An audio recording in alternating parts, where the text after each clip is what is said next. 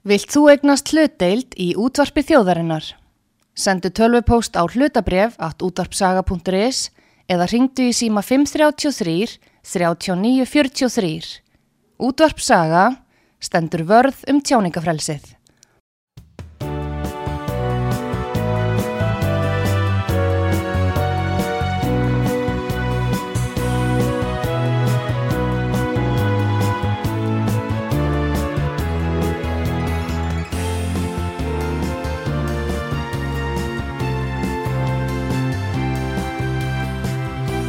Símatími með Artrúði Kallstóttur þar sem þjóðarsálinn lætur í sér heyra.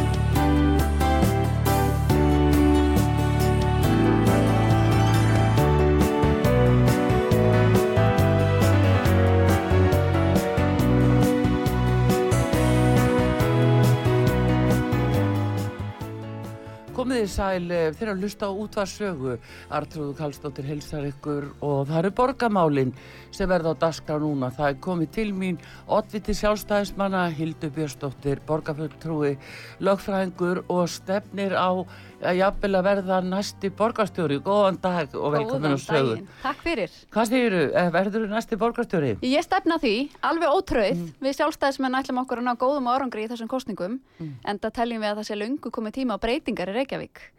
Og við segjum það raunar að ef fólk vil sjá breytingar hér í borginni þá er bara eitt hreyfiafl sem er skynslegt að kjósa og það er sjálfstæðisflokkurinn því við vitum ekki hvert aðrir flokkar munu neyja sig og, og það er nú ákveðin hefð komið fyrir því að, að minni flokkar komu og, og reysi við meira hluta dags, ég Já. vil þó hann falli í kostningum, Já, það já. munum við ekki gera. Svona erlista fyrir komulag. Svolítið svoleiðis, já. Um, en svona hvernig hildur, nú ert þú búin að vera inn í borgarstjótt síðustu fjögur árin. Hvernig svona finnst þér þetta vera að gera sig, hvernig svona, hvernig er staðan í, Reykjavík og, og hver- hvernig svona, hvað eru stóru málin? Staðin í Reykjavík er auðvitað ekki góð og mann skal kannski ekki undra þegar maður kemur inn í kom inn sem nýliði í borgarstjórn eftir síðustu kostningar og maður sér bara andrúmslofti, það er ekkert sérstaklega gott inn í borgarstjórn og það er engin, það kemur mann ekki óvart til að koma mælingar, trekk í trekk, gallúpmælingar sem sína að borgarstjórn er svo stopnun í íslensku samfélagi sem mælist með minnst tröst. Já, Og það eru þetta ekki skrítið þegar maður sér einhvern veginn hvernig borgarstjórn og meiri hlutin heldur á þessum stóru málum hér í borginni. Við sjáum það að húsnæðisvandin hefur farið vaksandi á síðustu árum og hann er viðvarandi til framtíðar. Samgönguvandan þekkjum við þetta öll líka, hann fyrir vaksandi. Það er illa staðið með fjölskyldum hér í borginni og þær eru að flytjast í nágranna sveitafélög. Nágranna sveitafélög eru líka að gera betur fyrir eldri borgara Mhm. og svo erum við að missa atvinnu, atvinnutækifærin hérna úr Reykjavík þannig að það er eiginlega sama hvert maður lítur hér er ekki verið að gera nægilega vel fyrir fólk og fyrirtæki í Reykjavík Já.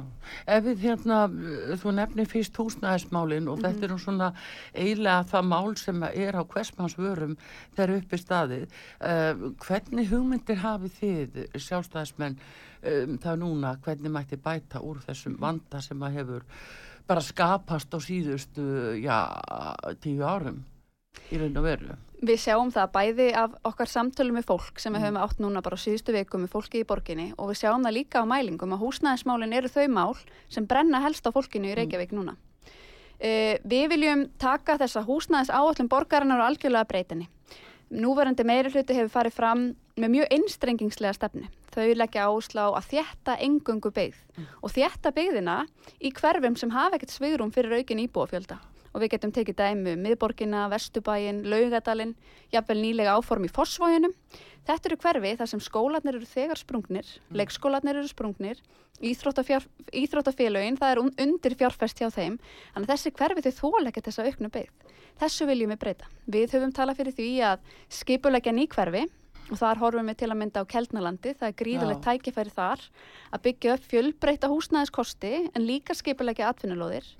Við höfum líka hort á Örfyrirsey sem er vestalega í borginni. Þar mætti vera einhvers konar húsnæðisuppbygging þó ekki eins mikil og að keldum. En við höfum líka talað fyrir að það megi alveg þjætta byggð en það þarf bara að gera það á svæðum sem hafa til þess viðrum. Og þarna höfum við bent á staðarkverfi í Grafavogi. Þar er alveg sannarlega sveigurum fyrir aukna byggð því þar eh, kalla skólanir á aukinn barnafjölda og við getum líka nefnt Úlfarsárdalinn og jafnvel Kjalanesið. Þannig að þetta eru tækifæri til þess að byggja mei, upp meira húsnæði, gera það hratt og þannig að innviðirnir geti tekið á móti fólkinu. Ertu þá að hugsa um að, að það sem er líka þá uh, næjanlegt sviðrúm fyrir útivistasvæði og annað sem að kannski barnafjölskyldu sækjand aldrei í? Já, grænu svæðin í borginni skipt okkur sjálfstæðismenn gríðarlega miklu máli og við höfum lagt mikla áherslu á að standa vörðum þau. Við höfum kallaði svona lunguborgarinnar og það skiptir svo miklu máli ekki síst þegar borgir er að þéttast og þegar íbúafjöldin er að aukast að fólk eigi þetta afdrepp að fara inn á þessi grænu útvistasvæði hér í borginni.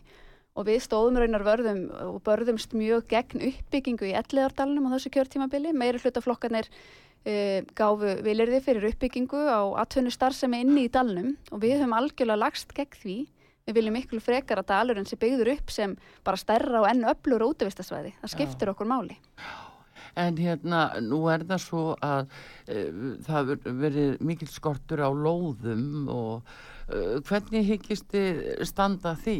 Viljið breyta að því að auka lóðaframbóð? Já, við nefnum með mitt kelnalandið í því skyni. Já. Það er starðarina land og þar mætti skipulegja mikla byggð, fjölda lóða og það getur þá verið fjölbreyttar lóðir, einhverjar sem að myndi fara undir sérbíli eða raðhús eða eitthvað slíkt. Það er mikið fólki sem vil fá að byggja sitt húsnæði. En við getum líka verið með fjölbreytt húsnæði eins og fjölbíli og, og bara fjölbreytta búsettukosti fyrir fólk á öllum æfiskeiðum. Við tölum líka að því að eldri borgarar og eldri reykvíkingar eh, eitt af svona áskorununum sem þau standa frammi fyrir eru einmitt líka húsnæðismálin. Þetta er hópur sem að e, þarf fleiri lausnir á húsnæðismarkaði. Margir hverjir búa jafnvel en þá í húsnæðinu sem þau voru ólipp sína fjölskyldu í og getur hugsað sér að minga við sig og það er ekkert byggt fyrir þannan hóp.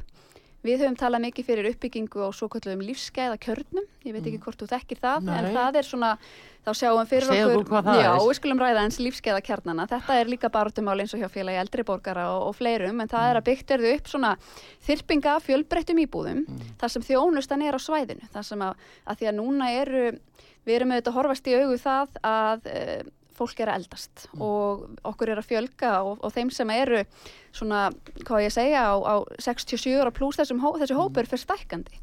Uh, og ekki síst lifir hann líka lengur við betri helsu og áherslunar hjá þessum hópi eru allt aðrar en þar voru kannski fyrir 50 árum.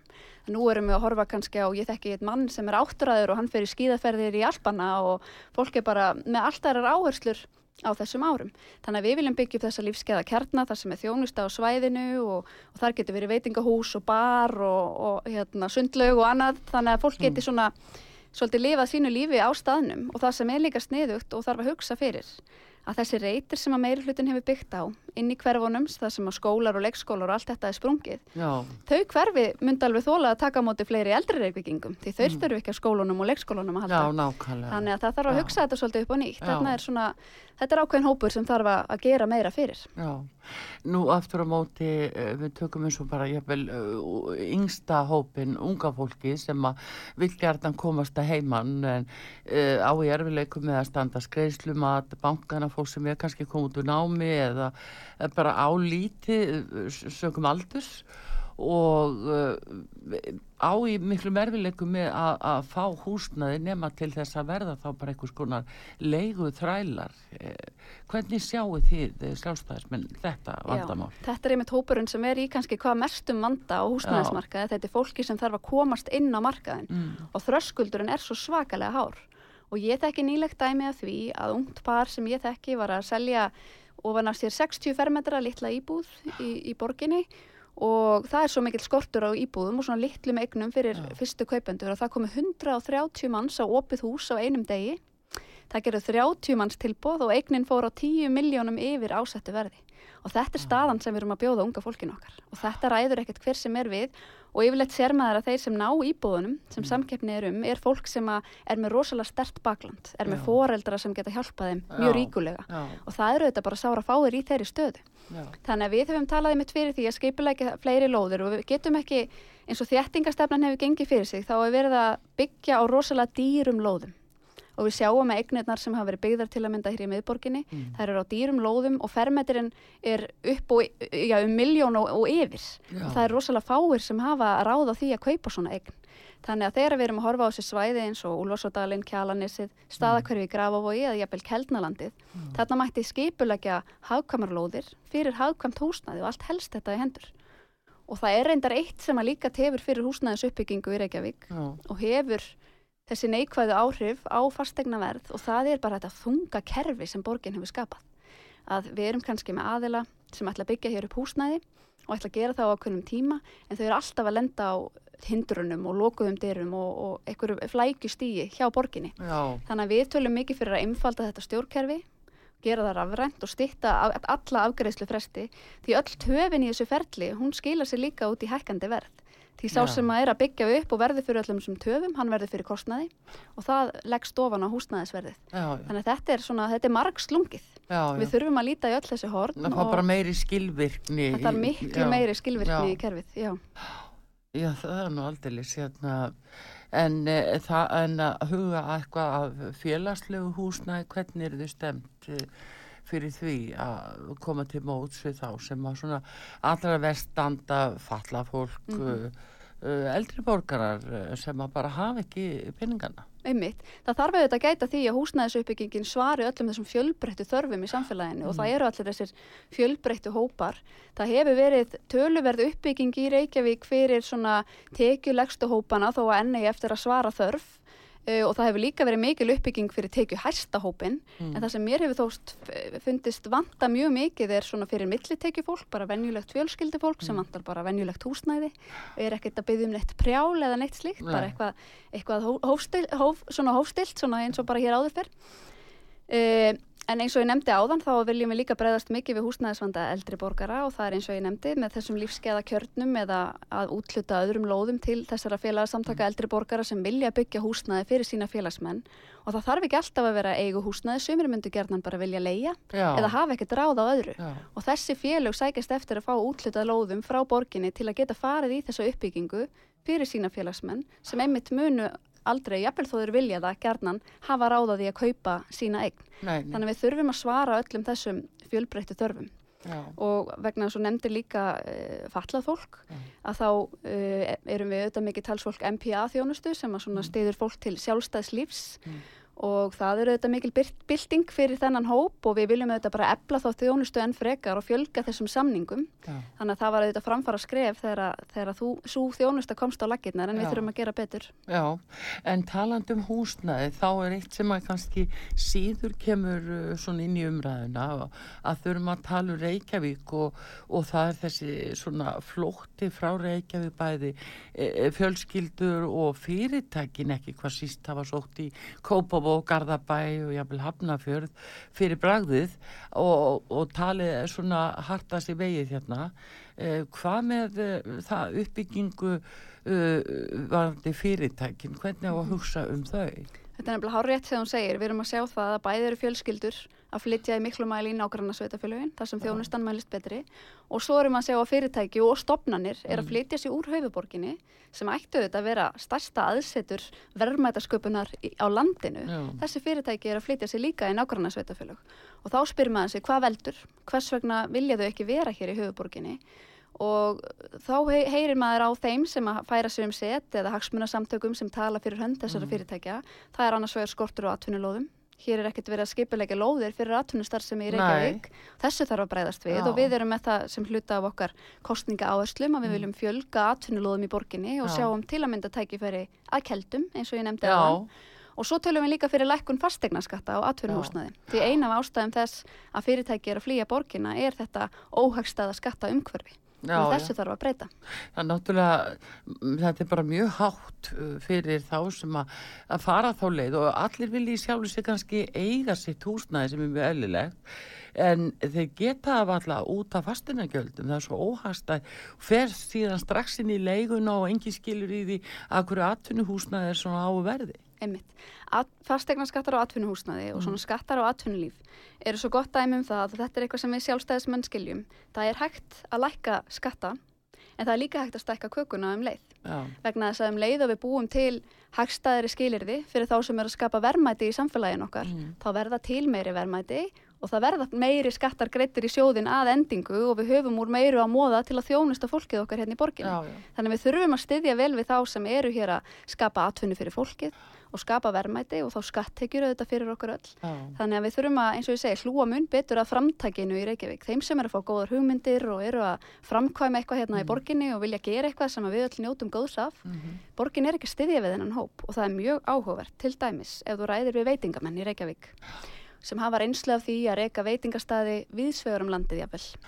Og þeir segja að þeir koma kannski í Kópavog eða eitthvað út á landsbyðina og ætla að opna veitingastad eða jafnvel skipulega eitthvað hátíð og þá er viðkvæðið frá sveitarfélagunum frábært, takk fyrir að koma hinga, takk fyrir að skipulega eitthvað skemmtilegt fyrir okkur, hvernig getum við aðstofað ykkur.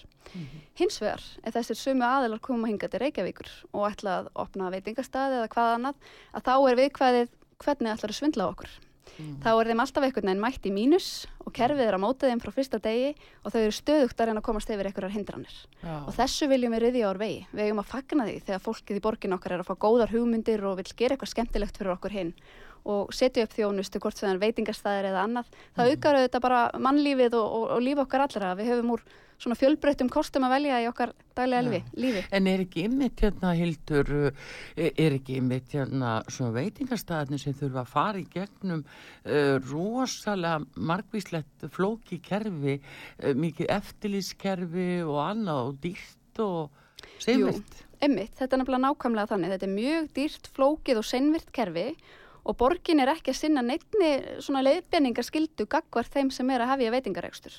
Og maður heyrir margar sögur af því að einhver er jafnvel búin að stilla upp sínu veitingastað og er að býja eftir eftirlitsmanni. Og svo kemur viðkomandi og segir, heyrðu, þessi vaskur hann má ekki vera hér. Og, og veitingamæðurinn segir, nú já, já, hvað er á hann að vera?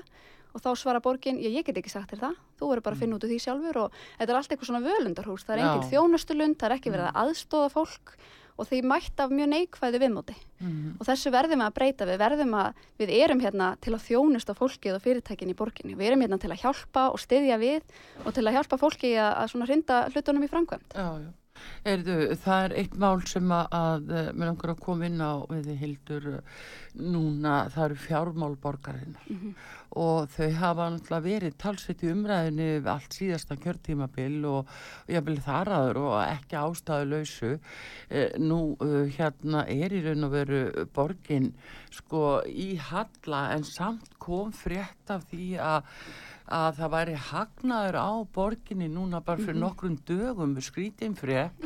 Og það var sko, þeir reiknuðu hagna vegna hækkunar og verði fastegna í eigu félagsbústaða að þá allt í einu fannst einhver hagnað að tala í bókaldi en þetta eru mikla skuldir hjá borginni. Hvernig sjáu þið hvernig á að ráðast á þetta skuldafjall? Já, sko, þetta er nefnilega alveg ótrúleg umræða um ásreikning Reykjavíkuborgar og þarna beiti borgarstjóri auðvitað bara einhverjum bókaldsbrellum við að láta reikningin líta fallega út. Og við þurfum auðvitað að aðskilja þetta eins í umræðinu. Við erum annars vegar að tala um borgarsjóð og Já. það er sjóðurinn sem tekur á móti sköttunum okkar og sem uh, sérum að veita okkur þjónustu. Já. Það er borgarsjóður. Svo erum við með svo kallan bjelluta og það eru öll fyrirtækin sem borgin á. mm. Félagsbústæðir, orkuveitan, allt þetta. Já, þeir fundu þessa hækkun Já. hérna ymmit í félagsbústöðum Akkurat. og, og, og vegna væntalega hækkunar og verði í Já, félagsbústöð þarna sjáum og þá kemur fréttin mikil, eh, sko, mikil Já. hagnaður á borginni Þetta er nefnilega svolítið, svolítið áhugavert að því að við sjáum að A-hlutin, þessi hluti sem tekur á móti sköttum og veitir þjónustu, hann er reikinn með 3,8 miljardar tapi. Já, Þannig að skattarnir sem við erum að borga borginni, það er ekki betur farið með þá en svo að þeir dugu ekki fyrir þjónustunni. já, Það sem að borgarstjóri gerir til að láta þetta allt saman líta betur út er að hann, hann skila reikningi þar sem hann setur þetta allt undir sama hatt, borgarsjóð og öll þessi fyrirtæki. Og hann tekur bæði sko, er notuð hérna, já, svo kvöldið ál afleiða hjá orkuveitunni, þannig að Já. það er verið að reyða sig á heimsmarkasverð á áli já, um það hvort að það setja þjónusta fólk hérna í borginni, þetta er auðvitað algjörlega galil hvernig hann hefur sett þetta upp fyrir okkur. Og svo erum að sjá það að hann er líka að nota matsbreytingar á eignum félagsbústaða til þess að hækka reikningin og þetta eru 20 miljardar þannig að ef að, og þetta er í rauninni eftirlitstofnun ESA hefur bent á það ítrekkað og sveitastjórnaráðuneyti reyndar líka að þetta sé uh, í rauninni bara ólögumætt reikningsskila aðferð að það megi ekki gera þetta svona. Uh, það eru fjárfestingafélög sem skila sínu bókaldi með þessum hætti og maður spyr sig af hverju vill dagur uh, skila ársreikningi um félagsbústaði alveg eins og fjárfestingafélag myndi skila sínum reikningi. Og ef þú skoða reikning Reykjavíkuborgar þá minnir hann um margt á ásreikning FL Group fyrir hrun. Mm. Veist, það eru bröllunar sem er verið að beita og, og þetta bara, ég segi það satt þetta Já. er nákvæmlega svona. Og maður spyr sig af hverju er dagur að beita þessum aðferðum það hljómar eins og hann vilji, já það myndi engin nota svona reikningsskila aðferðin nema hann ætlaði annars vegar að selja félagsbústaði eða fara að rukka markasverð fyrir leigu hjá félagsbústaðum þannig að þetta vekur ugg hvernig Mm. Já, hann gerir þetta En er það ekki mitt uh, útreikningurinn byggir á markasverðinu á Jú, félagsbústöðum, hann heldur Já. að tekur það inn í bókaldi að vantalega sér miða við markasverð Já. og þar lendi getur búið til hækkun og reikn Já. já. ársreikningurinn byggir bara á loftpenningum Mm. hann tekur bara fastegnir sem eru og hann metur þær herri í virði heldur hann áður. já. og þetta eru auðvitað bara loftpenningar þetta skila sér engum öðrum í kassan þetta hjálpar okkur ekki að sinna þjónustu við íbúana þetta eru bara loftpenningar Mm. og þessi, þessari aðferð er bara beitt af fjárfestingafélögum og þeim sem hafa í hyggju að selja eignirnar eða rukkar markaðsverð. Þannig að maður spyr sig hvað er dagur að hugsa Já, það er einmitt, eh, þetta er það sem að, fólk staldra við vegna þess að það er ekki hægt að horfa fram hjá því að það hefur verið, uh, tala mikið um bröðl og allskinsfrankandi sem að eh, eru jafnvel ekki arbærar og frægasta dæmið er náttúrulega braggamáli, það er Akkurat. náttúrulega algjörlega frægasta máli. Það var mál, Hvernig það gætt bara gerst Já. og hvernig það var hægt að fela það. ég veit það það var mál sem skók hér allt í upphafi kjörtímbils Mm. og, ég myndi segja svona fyrsta ár kjörtímbilsins snýri svolítið um þetta braggamál þetta var auðvitað ótrúleg líka eldskýrt fyrir mig að fara í gegnum sem nýjan borgarfulltrú og komin í þetta umhverfi og blöskra svona gjörsamlega hvað bara stjórnleysið inn í kerfinu við sáum þarna eitthvað bragga sem átt að vera í eitthvað veitingarekstur og annað og manni fannst auðvitað fyrir það fyrsta alveg galið að borgin væri að standa í þessu. Mm.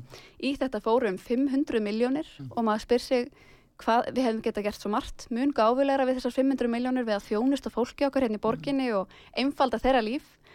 Og galnasta dæmið var auðvitað stráin sem voru keift fyrir miljón Já, já. til að standa fyrir utan braggan og ég held að leiði ekki vika fyrir en einhver var búin að koma og týna þau og, og setja þau í vasa heima hjá sér þannig að þetta var bara vittleysan reyð ekki við einteiming Já. þarna. Og málið er að þó að við munum öll eftir bragganum að þá var það það er ekki eina dæmið. En það er dæmi sem fólk skilur vegna þess að fjárhæðarna voru auðvitað gigantískar en það skilja allir að þú kaupir ekki strá fyrir eina miljón króna.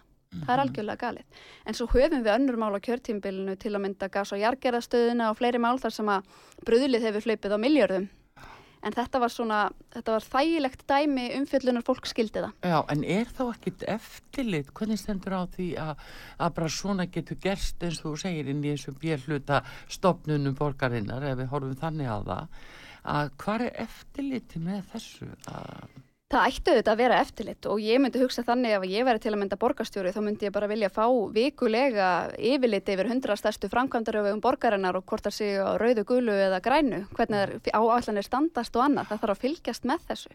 Og það sem mér finnst þetta að gefa kannski fyrst og fremst til kynna er að meiru hlutaflokkarnir og ekki síst borgarstjóri, Dagabí Eigertsson þeim er ekki umhugað um fjármál borgarinnar, þeim er ekki umhugað um að reka borginna með ábyrgum hætti Þau bera litla virðingu fyrir skattfénu sem íbúðarnir er að greiða í borgarsjóð og vilja fá þjónustu Já, í skiptum fyrir. já. Það, það er enginn sem að tekur hér hluta af sínum launum og greiði til borgarinnar og ætlast til að fá brakka í staðin.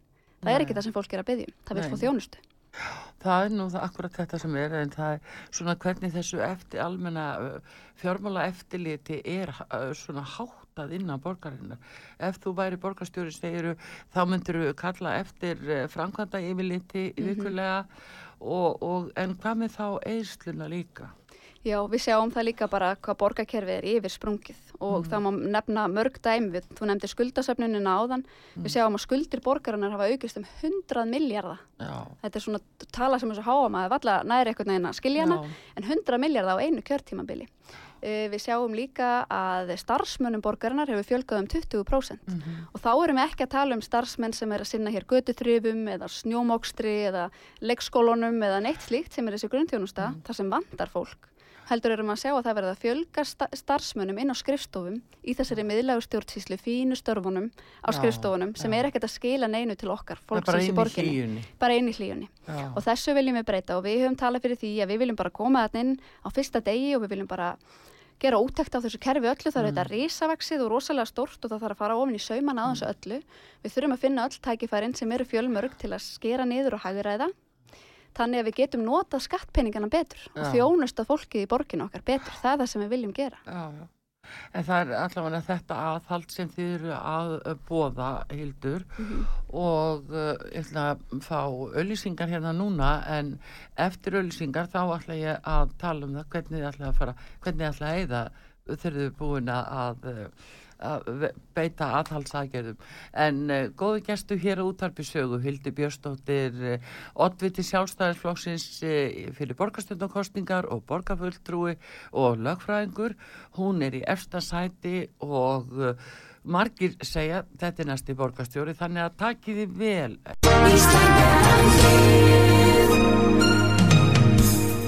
Styrtareikningur útvarpsögu í Íslandsbanka á Granda. Útubú 513, höfubók 26, reikningur 2.11.11. Nánari upplýsingar á útvarpsaga.is. Takk fyrir stöðningin. Eftir í sem hún segir á eftir.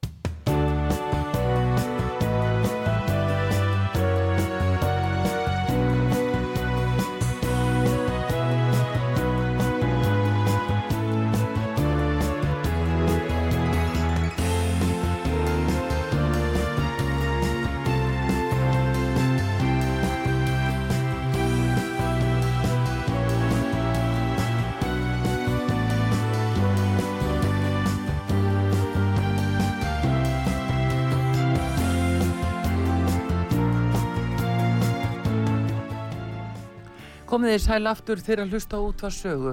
Artrúðu Kallstóttir með ykkur að tala við Hildi Björstóttur. Hún er oddviti sjálfstæðisflósins fyrir borgarstjórnarkostningarnar, jafnvel væntalögu borgarstjóri. Hún er borgarfulltrúi og lögfræðingur. Hún er að segja okkur frá stefnu sjálfstæðismanna núna fyrir þessa kostningar og við erum komin yfir í samgöngumálin Hildur og það hefur verið mikið talað um borgarlínuna, þessa margum töluðu sem er nú kannski ekki beint lína heldur svona strætisvagna og fjórum jólum áfram en eh, hva, hver er ykkar afstafa? Þetta er mjög kostnaða uh, samt uh, allt saman það liggur fyrir, hver, hver, hvað segir þið? Já, við erum á því að já, við auðvitað viljum breyðast við þessum samgöngu vanda í borginni sem hefur verið vaksandi á síðustu árum og við þekkjum það öll, við upplifum það öll í okkar daglega amstri að vera först í umferðinni, komast ekki milli staða og það er heilmikið lífskeða mál að leysa þetta. En við tölum ekkert fyrir því að það sé einhver einn töfra lausn eins og meiri hlutaflokkarnir tala svolítið um að hér komi borgarlína og hún verði einhver töfra lausn sem eigi að leysa allan vanda. En það eru þetta ekkert svo.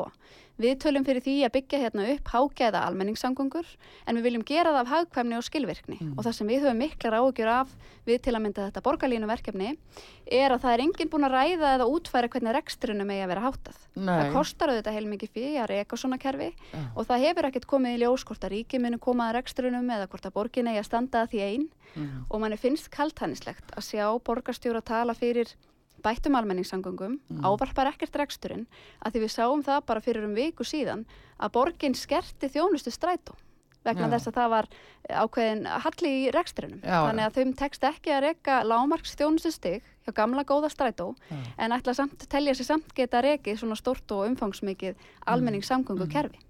En þá er ég ekki að segja að við höfum ekki líka heilmikinn metna fyrir því að byggja upp almennilegar almenningssamgöngur. Við erum Já. að sjá að fólki mun fjölga hérna á höfuborgarsvæðinu gríðarlega á næstu árum og áratugum og við þurfum að bjóða fjölbreytta kosti í samgöngum Já. en við viljum gera það skinsamlega. Við verðum að við hugsum alltaf um hagkvæmni Mhm. og við viljum fá skilvirt kerfi og við viljum fá svörin við öllum þessum líkil spurningum um hvað kostar þetta og hvernig á að reyka þetta. Já, en hvernig á að gera þetta? Það er svo núna að um, bara varðandi úrbætur í samgöngumálum uh, segjum að uh, já, þessi uh, aukning á strætisvagnarferðum með borgarlínu að uh, það verði nú einhvers staðar þannig í myndinni en hvernig má gera þetta hagkvæmara? Uh, nú eru vagnarnir bara við sjáum það þeir eru hálf tómir lunga úr deginu og hvað mjög... með hverfin og svona nokkuð Já, þarna er mjög áhugavert að svona líta svolítið til framtíðar. Við sjáum auðvitað að stærstur hluti af kostnaði við rekstur og almenningssamgöngu kerfi er launakostnaður. Mm. Þannig erum við auðvitað með frábært fólk í störfum sem að ekur þessum vögnum. Uh, það er, má sjá fyrir sér að einhver tíman í framtíðinu verði vagnarnir orðinni sjálfkeirandi. Mm. Þannig að þá skyndilega er launakostnaðurinn svona nokkurn meginn úr sögunni Mm.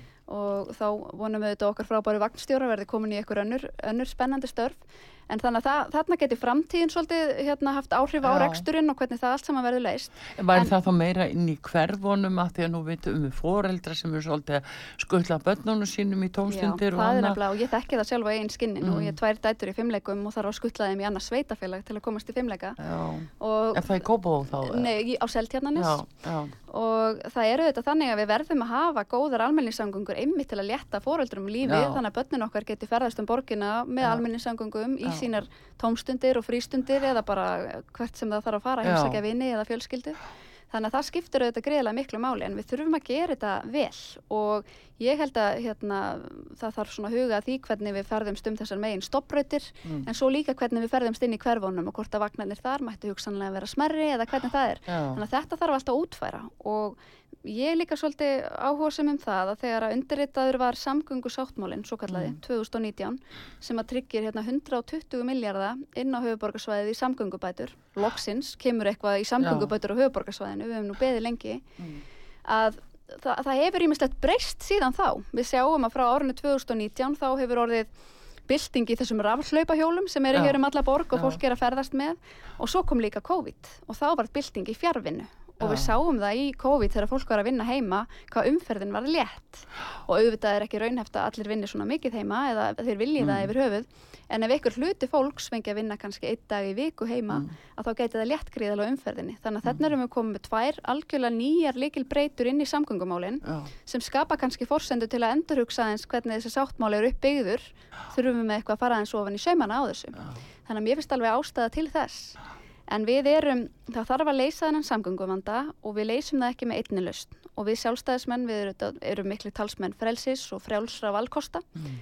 þannig að við viljum leysa samgönguvandan með fjölbreyttum lausnum. Þannig að annars vegar viljum við auðvitað öflugar almenni samgöngur en við viljum líka fleiri lausnir, við tölum fyrir því að sundabraut komast til framkvæmda strax á næsta kjörtímabili já. og það er nú mál sem að hefur setið á hakanum um árabil. Já, búið það á dagskrá núna 2026. Já, og það var nú forsenda saminningar Kjalanes Mm. við Reykjavík fyrir ótal mörgum árum síðan. Mm. Þannig að fólk hefur beðið lengi er þetta að fara að nálgast, fyrir að nálgast þrefa áratvíi Já. síðan að Það er líka samin að Reykjavík. um öryggisatriði. Það eru Sundabrautin margvíslegir- er já. stórkostlegt öryggisatriði fyrir borgarbúa. Þetta er nefnilega marg, það er mörg rök, þetta er, Mm. það hefur sínt sig að þetta er einn þjóðhagslega arbærasta framkvæmt sem hægt er að fara í að byggja sundabraut. Já. Þetta er ákveðið ör, öryggisatriði fyrir höfuborgarsvæðið, Mm. þetta er leikil tenging fyrir landsbyðina við höfuborgina og svo ef að lega sundabrautar er skipulega rétt þá getur, getur hún líka opnað hún í byggingasvæði til framtíðar í Reykjavík. Já, Þannig að þetta þjónar mjög margvíslegum hagsmunum og er mjög mikilvæg Mm. framkvæmt og við sjáum að meirulutaflokkarnir hafa lagt stein í götu sundabrautar kjörtímabil eftir kjörtímabil. Mm. Þannig að nú er bara komið tími til að gefa þessu fólki svolítið frí já, og kannski bara svolítið langt já. og gefa nýju fólki tækifæri. Já, en uh, hefur þú heyrt af því á hverju var breyting á þessari uh, framkvæmda áallun núna þegar COVID kom upp 2020 þá ætlaði þá verðandi samgöngur á þeirra að láta þessar framkvæmdir hefjast í september 2020 og uh, hérna uh, og sagði bara sundabrautin er að fara á stað og allir voru mjög vongóðir Ég myndi út af þessu, mm Mhm. fegst þú einhvern tíðan skýringu af hverju þetta breytist og því síðan fresta til 2026? Ég, borgin hefur meira og minna staði í vegi fyrir því að málið komast til framkvæmda Mm. og sáum það til að mynda nú á kjörtímabilinu þá fengum við skýslu í hendur sem að síndi svona bestu kosti í sundabraut og það var annars vegar lögð til brú og hins vegar göng Mm og göngin voru ef ég mann rétt um 14 miljardum dýrari heldur um Mm. brúin og það var lagt upp með að, að hérna, brúin væri svona hagkvæmust og kannski besta leiðin. En þá stökk auðvitað dagur beint á það að það ætti að fara í göngin. Já, Þannig að hann reyndi að flækja málið en frekar, hann valdi floknu og dýruleiðina já, en það er auðvitað svo að ef, ef þú vilt opna þessa brú fyrir ekki bara akandi heldur líka kannski einhverja sem vilja hjóla að þeir hjóla ekki gegnum göng. nei, nei, Þannig að ég held að brú geti bara verið mjög góður kostur, það er hagkvæmari kostur, brýr geta verið mikil príði fyrir Já. borgir að þeir eru fallega Já. hannaðar.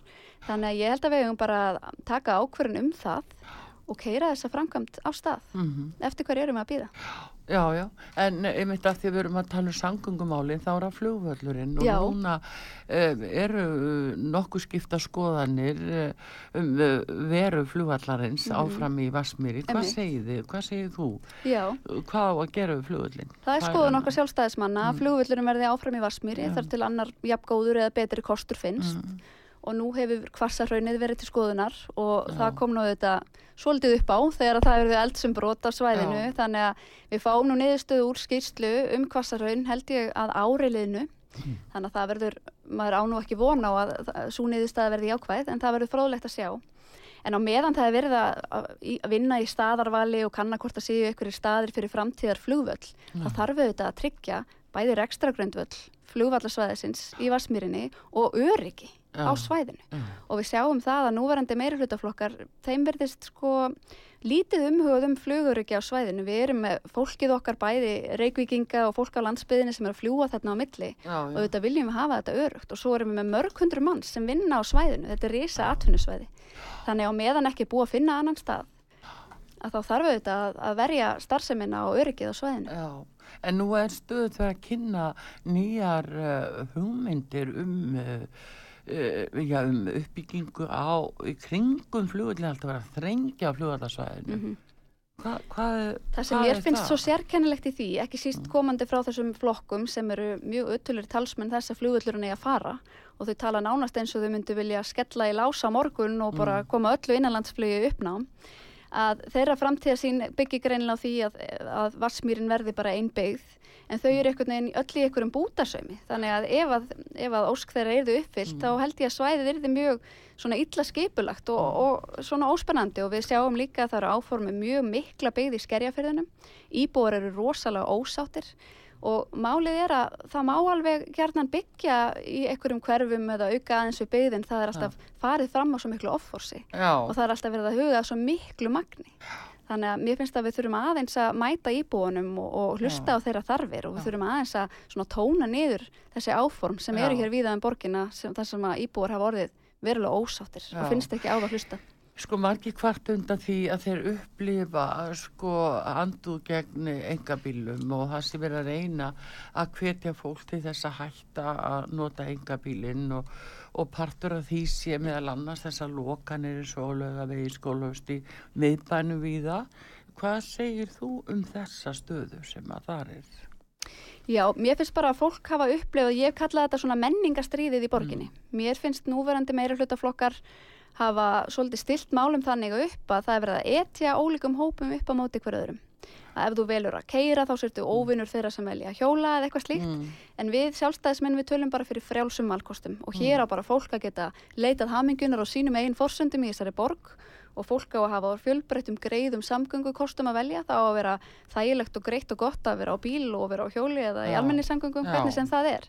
Þannig að við erum ekki, við aðhyllumst ekki þessa einstrengingslegu nálgun sem að hefur komið fram hér í borginni á síðustu árum. Það sem reyndir að koma öllum inn í sama bóksið einhvern veginn og allir eiga að vera eins og allir eiga að lifa eins. Já, okkur hugnast það ekki. Hér er bara fólk að fá að blómstra á sínum fórsendum og velja svona svolítið sitt líf Já svona mísjafna þarfir fólks. Þær eru misjafnar Sumir og og veru bara þurfa bílinn. ég meina að þú sér, þú getur Mm. líka farið í gegnum ákveðin æfiskeið þar sem að þú kannski ert með fjölskyldu og eins og ég nefndi áðan þú ert að skuttla börnunum þínum í tómstundir og allt þetta.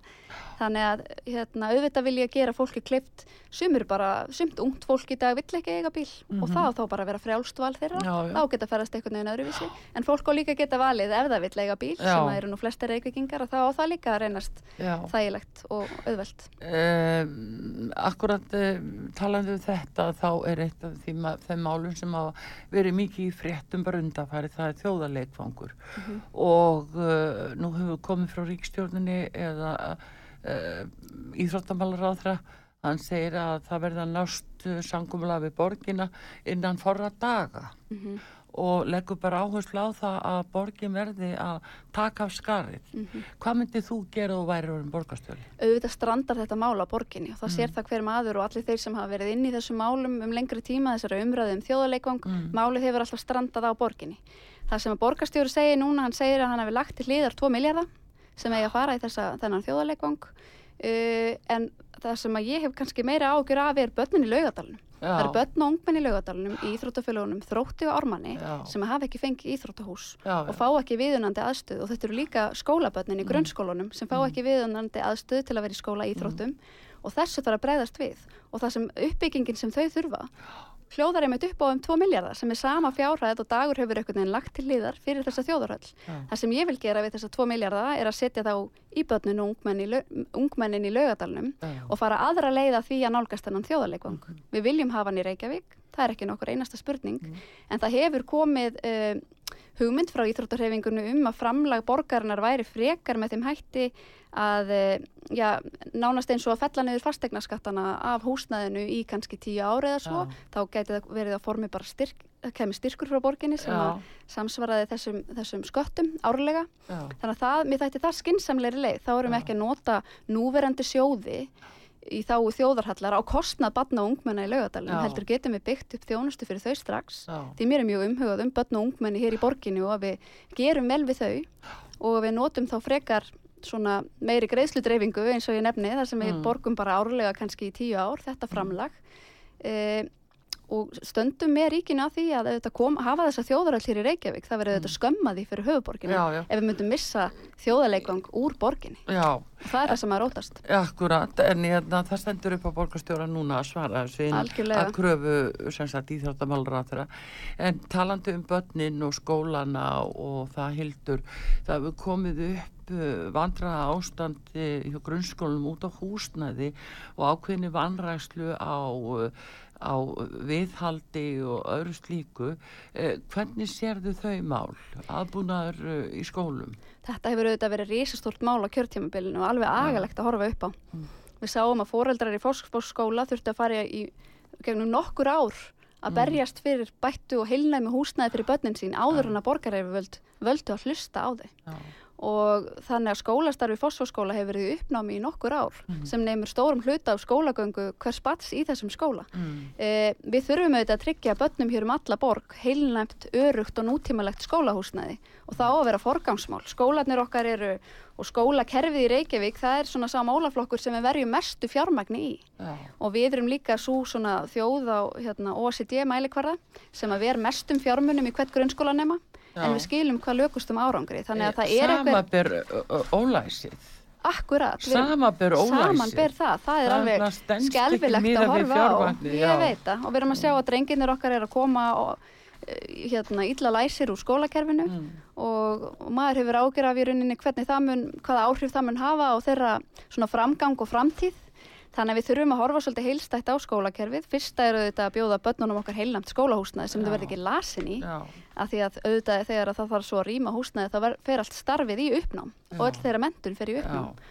og ég verð að segja að ég hefði miklar ágjur þegar ég frétti af því á dögunum að, að vinnumálastofnun hefði vikið úr sínu húsnaði vegna miklu hér í borginni Mm. og borgin hefði þá ákveðið að leia rýmið undir leikskólaböld. Þannig að hér er fullorðið fólk sem að víkur úr húsnaði vegna miklu og, og hérna, veikinda og þá á að útbúa húsnaði fyrir litlu börnun okkar, Það var talið bóðlegt fyrir börnin Já, þannig að þetta er svona það sem við erum að horfa upp á svolítið. Það er verið að retta málum rétt fyrir kostningar að koma hérna með alls konar ódýra lausnir Já. en það sem við þurfum að gera er við þurfum að skipulegja til framtíð, við þurfum að setja fólkið hérna í algjöran forgurinn í borginni, Já. að íbúunum, börnunum og fólki á öllum æfiskeiðum líði vel og þau séu örug og séu heilnami umhverfi. Leikskólanir, það er nú aldrei stóra máli líka og eh, ef ég veit rétt eh, þá viljið þið koma til móts við eh, foreldra sem að, að kjósa að vera heima hjá litlum börnum og sem hafa ekki hérna Já, Hvað, hvað segir þið? Við höfum talað Þið fyrir farið því. nýja leiðir það? Já, við viljum fara alls konar nýja leiðir. Við höfum talað fyrir því að borgin bjóði leikskóla plás fyrir öll börn frá 12 mánuð aldri. Mm. Og þetta hæfur samfélkingin til að mynda talað um kostningar eftir kostningar, en emdirnar eru engar. Uh, við viljum tryggja þetta, en við höfum líka séð það og ég hef séð það svolítið skýrt núna á kjörtjömbilinu þegar maður er í lifandi samtali við alls konar fólk, að það eru margi fóreldrar sem vilja jafnvel dvelja lengur heima með börnunum sínum enn sem nemur 12 mánuða fæðingarólofi. Þannig við viljum mæta þessum hópi og höfum lagt til svo kallan foreldrastyrk, 200.000 krónur á mánuði. Það er auðvitað ekki háfjárhæð en það er allavega til að mæta þessu fólki sem vill vera aðeins lengur heima. Það getur verið, og allt til tveggja ára aldurs, við erum að meða við svona beilið 12, til, 12 mánuða til tveggja ára, að þá fólk, eigi fólk þennan kost. Þannig að þetta er svona ein, ein lausn í þessu.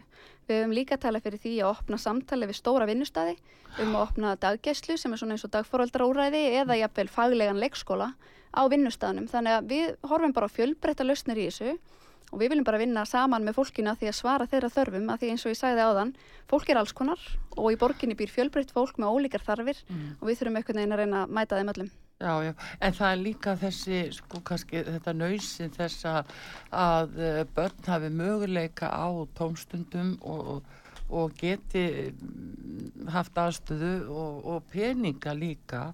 Það er náttúrulega einhver eh, styrkur, eh, frístundastyrkur, en, en það er svona spurningin um að hlúa betur að þessum hópi?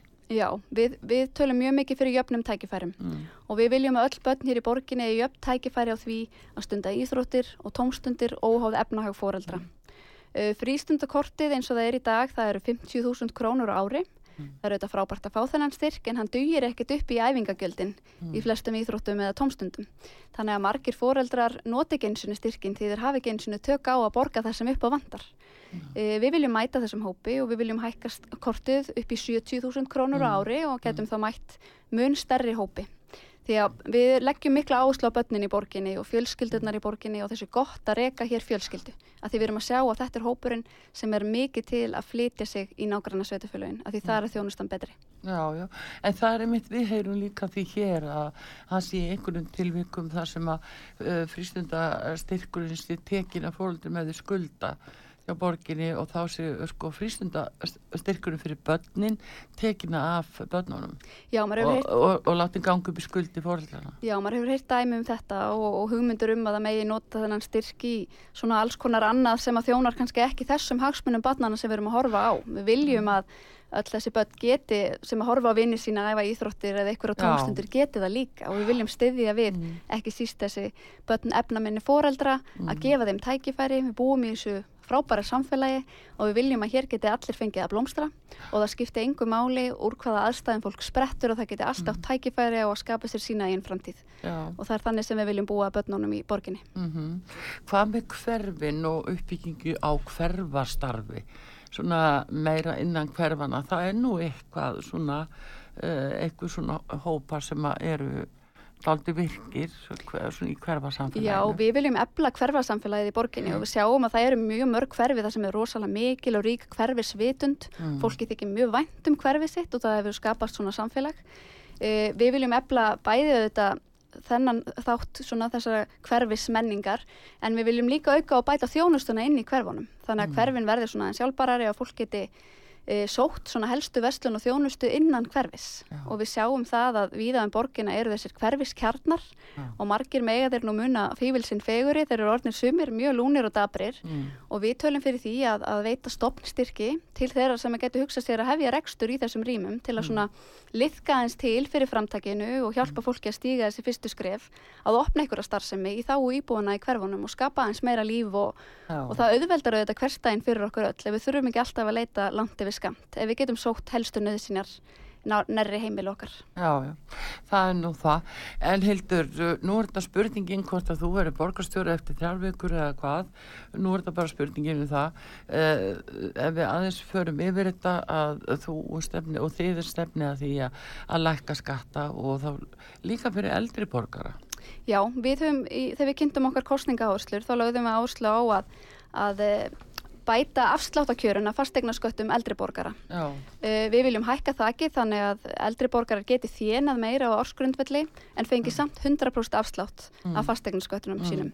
Þannig við ætlum að hækka þessi mörgum 1,8 miljón á ári sem er rífleg hækkun og samsvarar því sem að hafnafjörður býður eldriborgarum. Já, það gerir það. En já, og uh, fleiri mál svona alveg að síðustu sem að þú vilt segja við kjósendur núna Það eru þetta bara megin mál fyrir okkur að fólkjunu hér í Reykjavík líði vel mm. og við sjáum að hér hefur verið við völd meiri hluti eða flokkar í meiri hluta uh, yfir langan tíma. Hér hefur mhm. verið svolítið óbreytt stjórn í einnið annari myndum næstu því þryggja áratöga skeið svona með mhm. örleiklum hlifum og þarna sjáum við er fólk sem að talar og talar og talar en við ætlum ekki bara að tala, við ætlum að framkvæma og okkur þykir ofsalega vænt um þessa borg okkur þykir vænt um fólki sem býr í þessari borg og við ætlum ekki bara að segja það, við ætlum að sína það. Já, heyrðu það látu við verða síðust orðin að þessu sinni Hildur Björnsdóttir og gangið sem allra best og, og við þökkum við kjallaða fyrir og sjáum hvernig svona framvindan verður í þessu öllu saman og, og eigum eftir að heyra frá fleirum úr e, þínum hópi og bara bestu þakkir og gangið vel. Hildur Björnsdóttir, oddviti sjálfstæðisflóksins í borginni, borgarfull trúulega fræðingur. Bestu þakkir fyrir komuna. Takk fyrir mig. Artrúð Kallstóttir, hver ykkur teknimaður Baldur Skúlason verið þið sæl?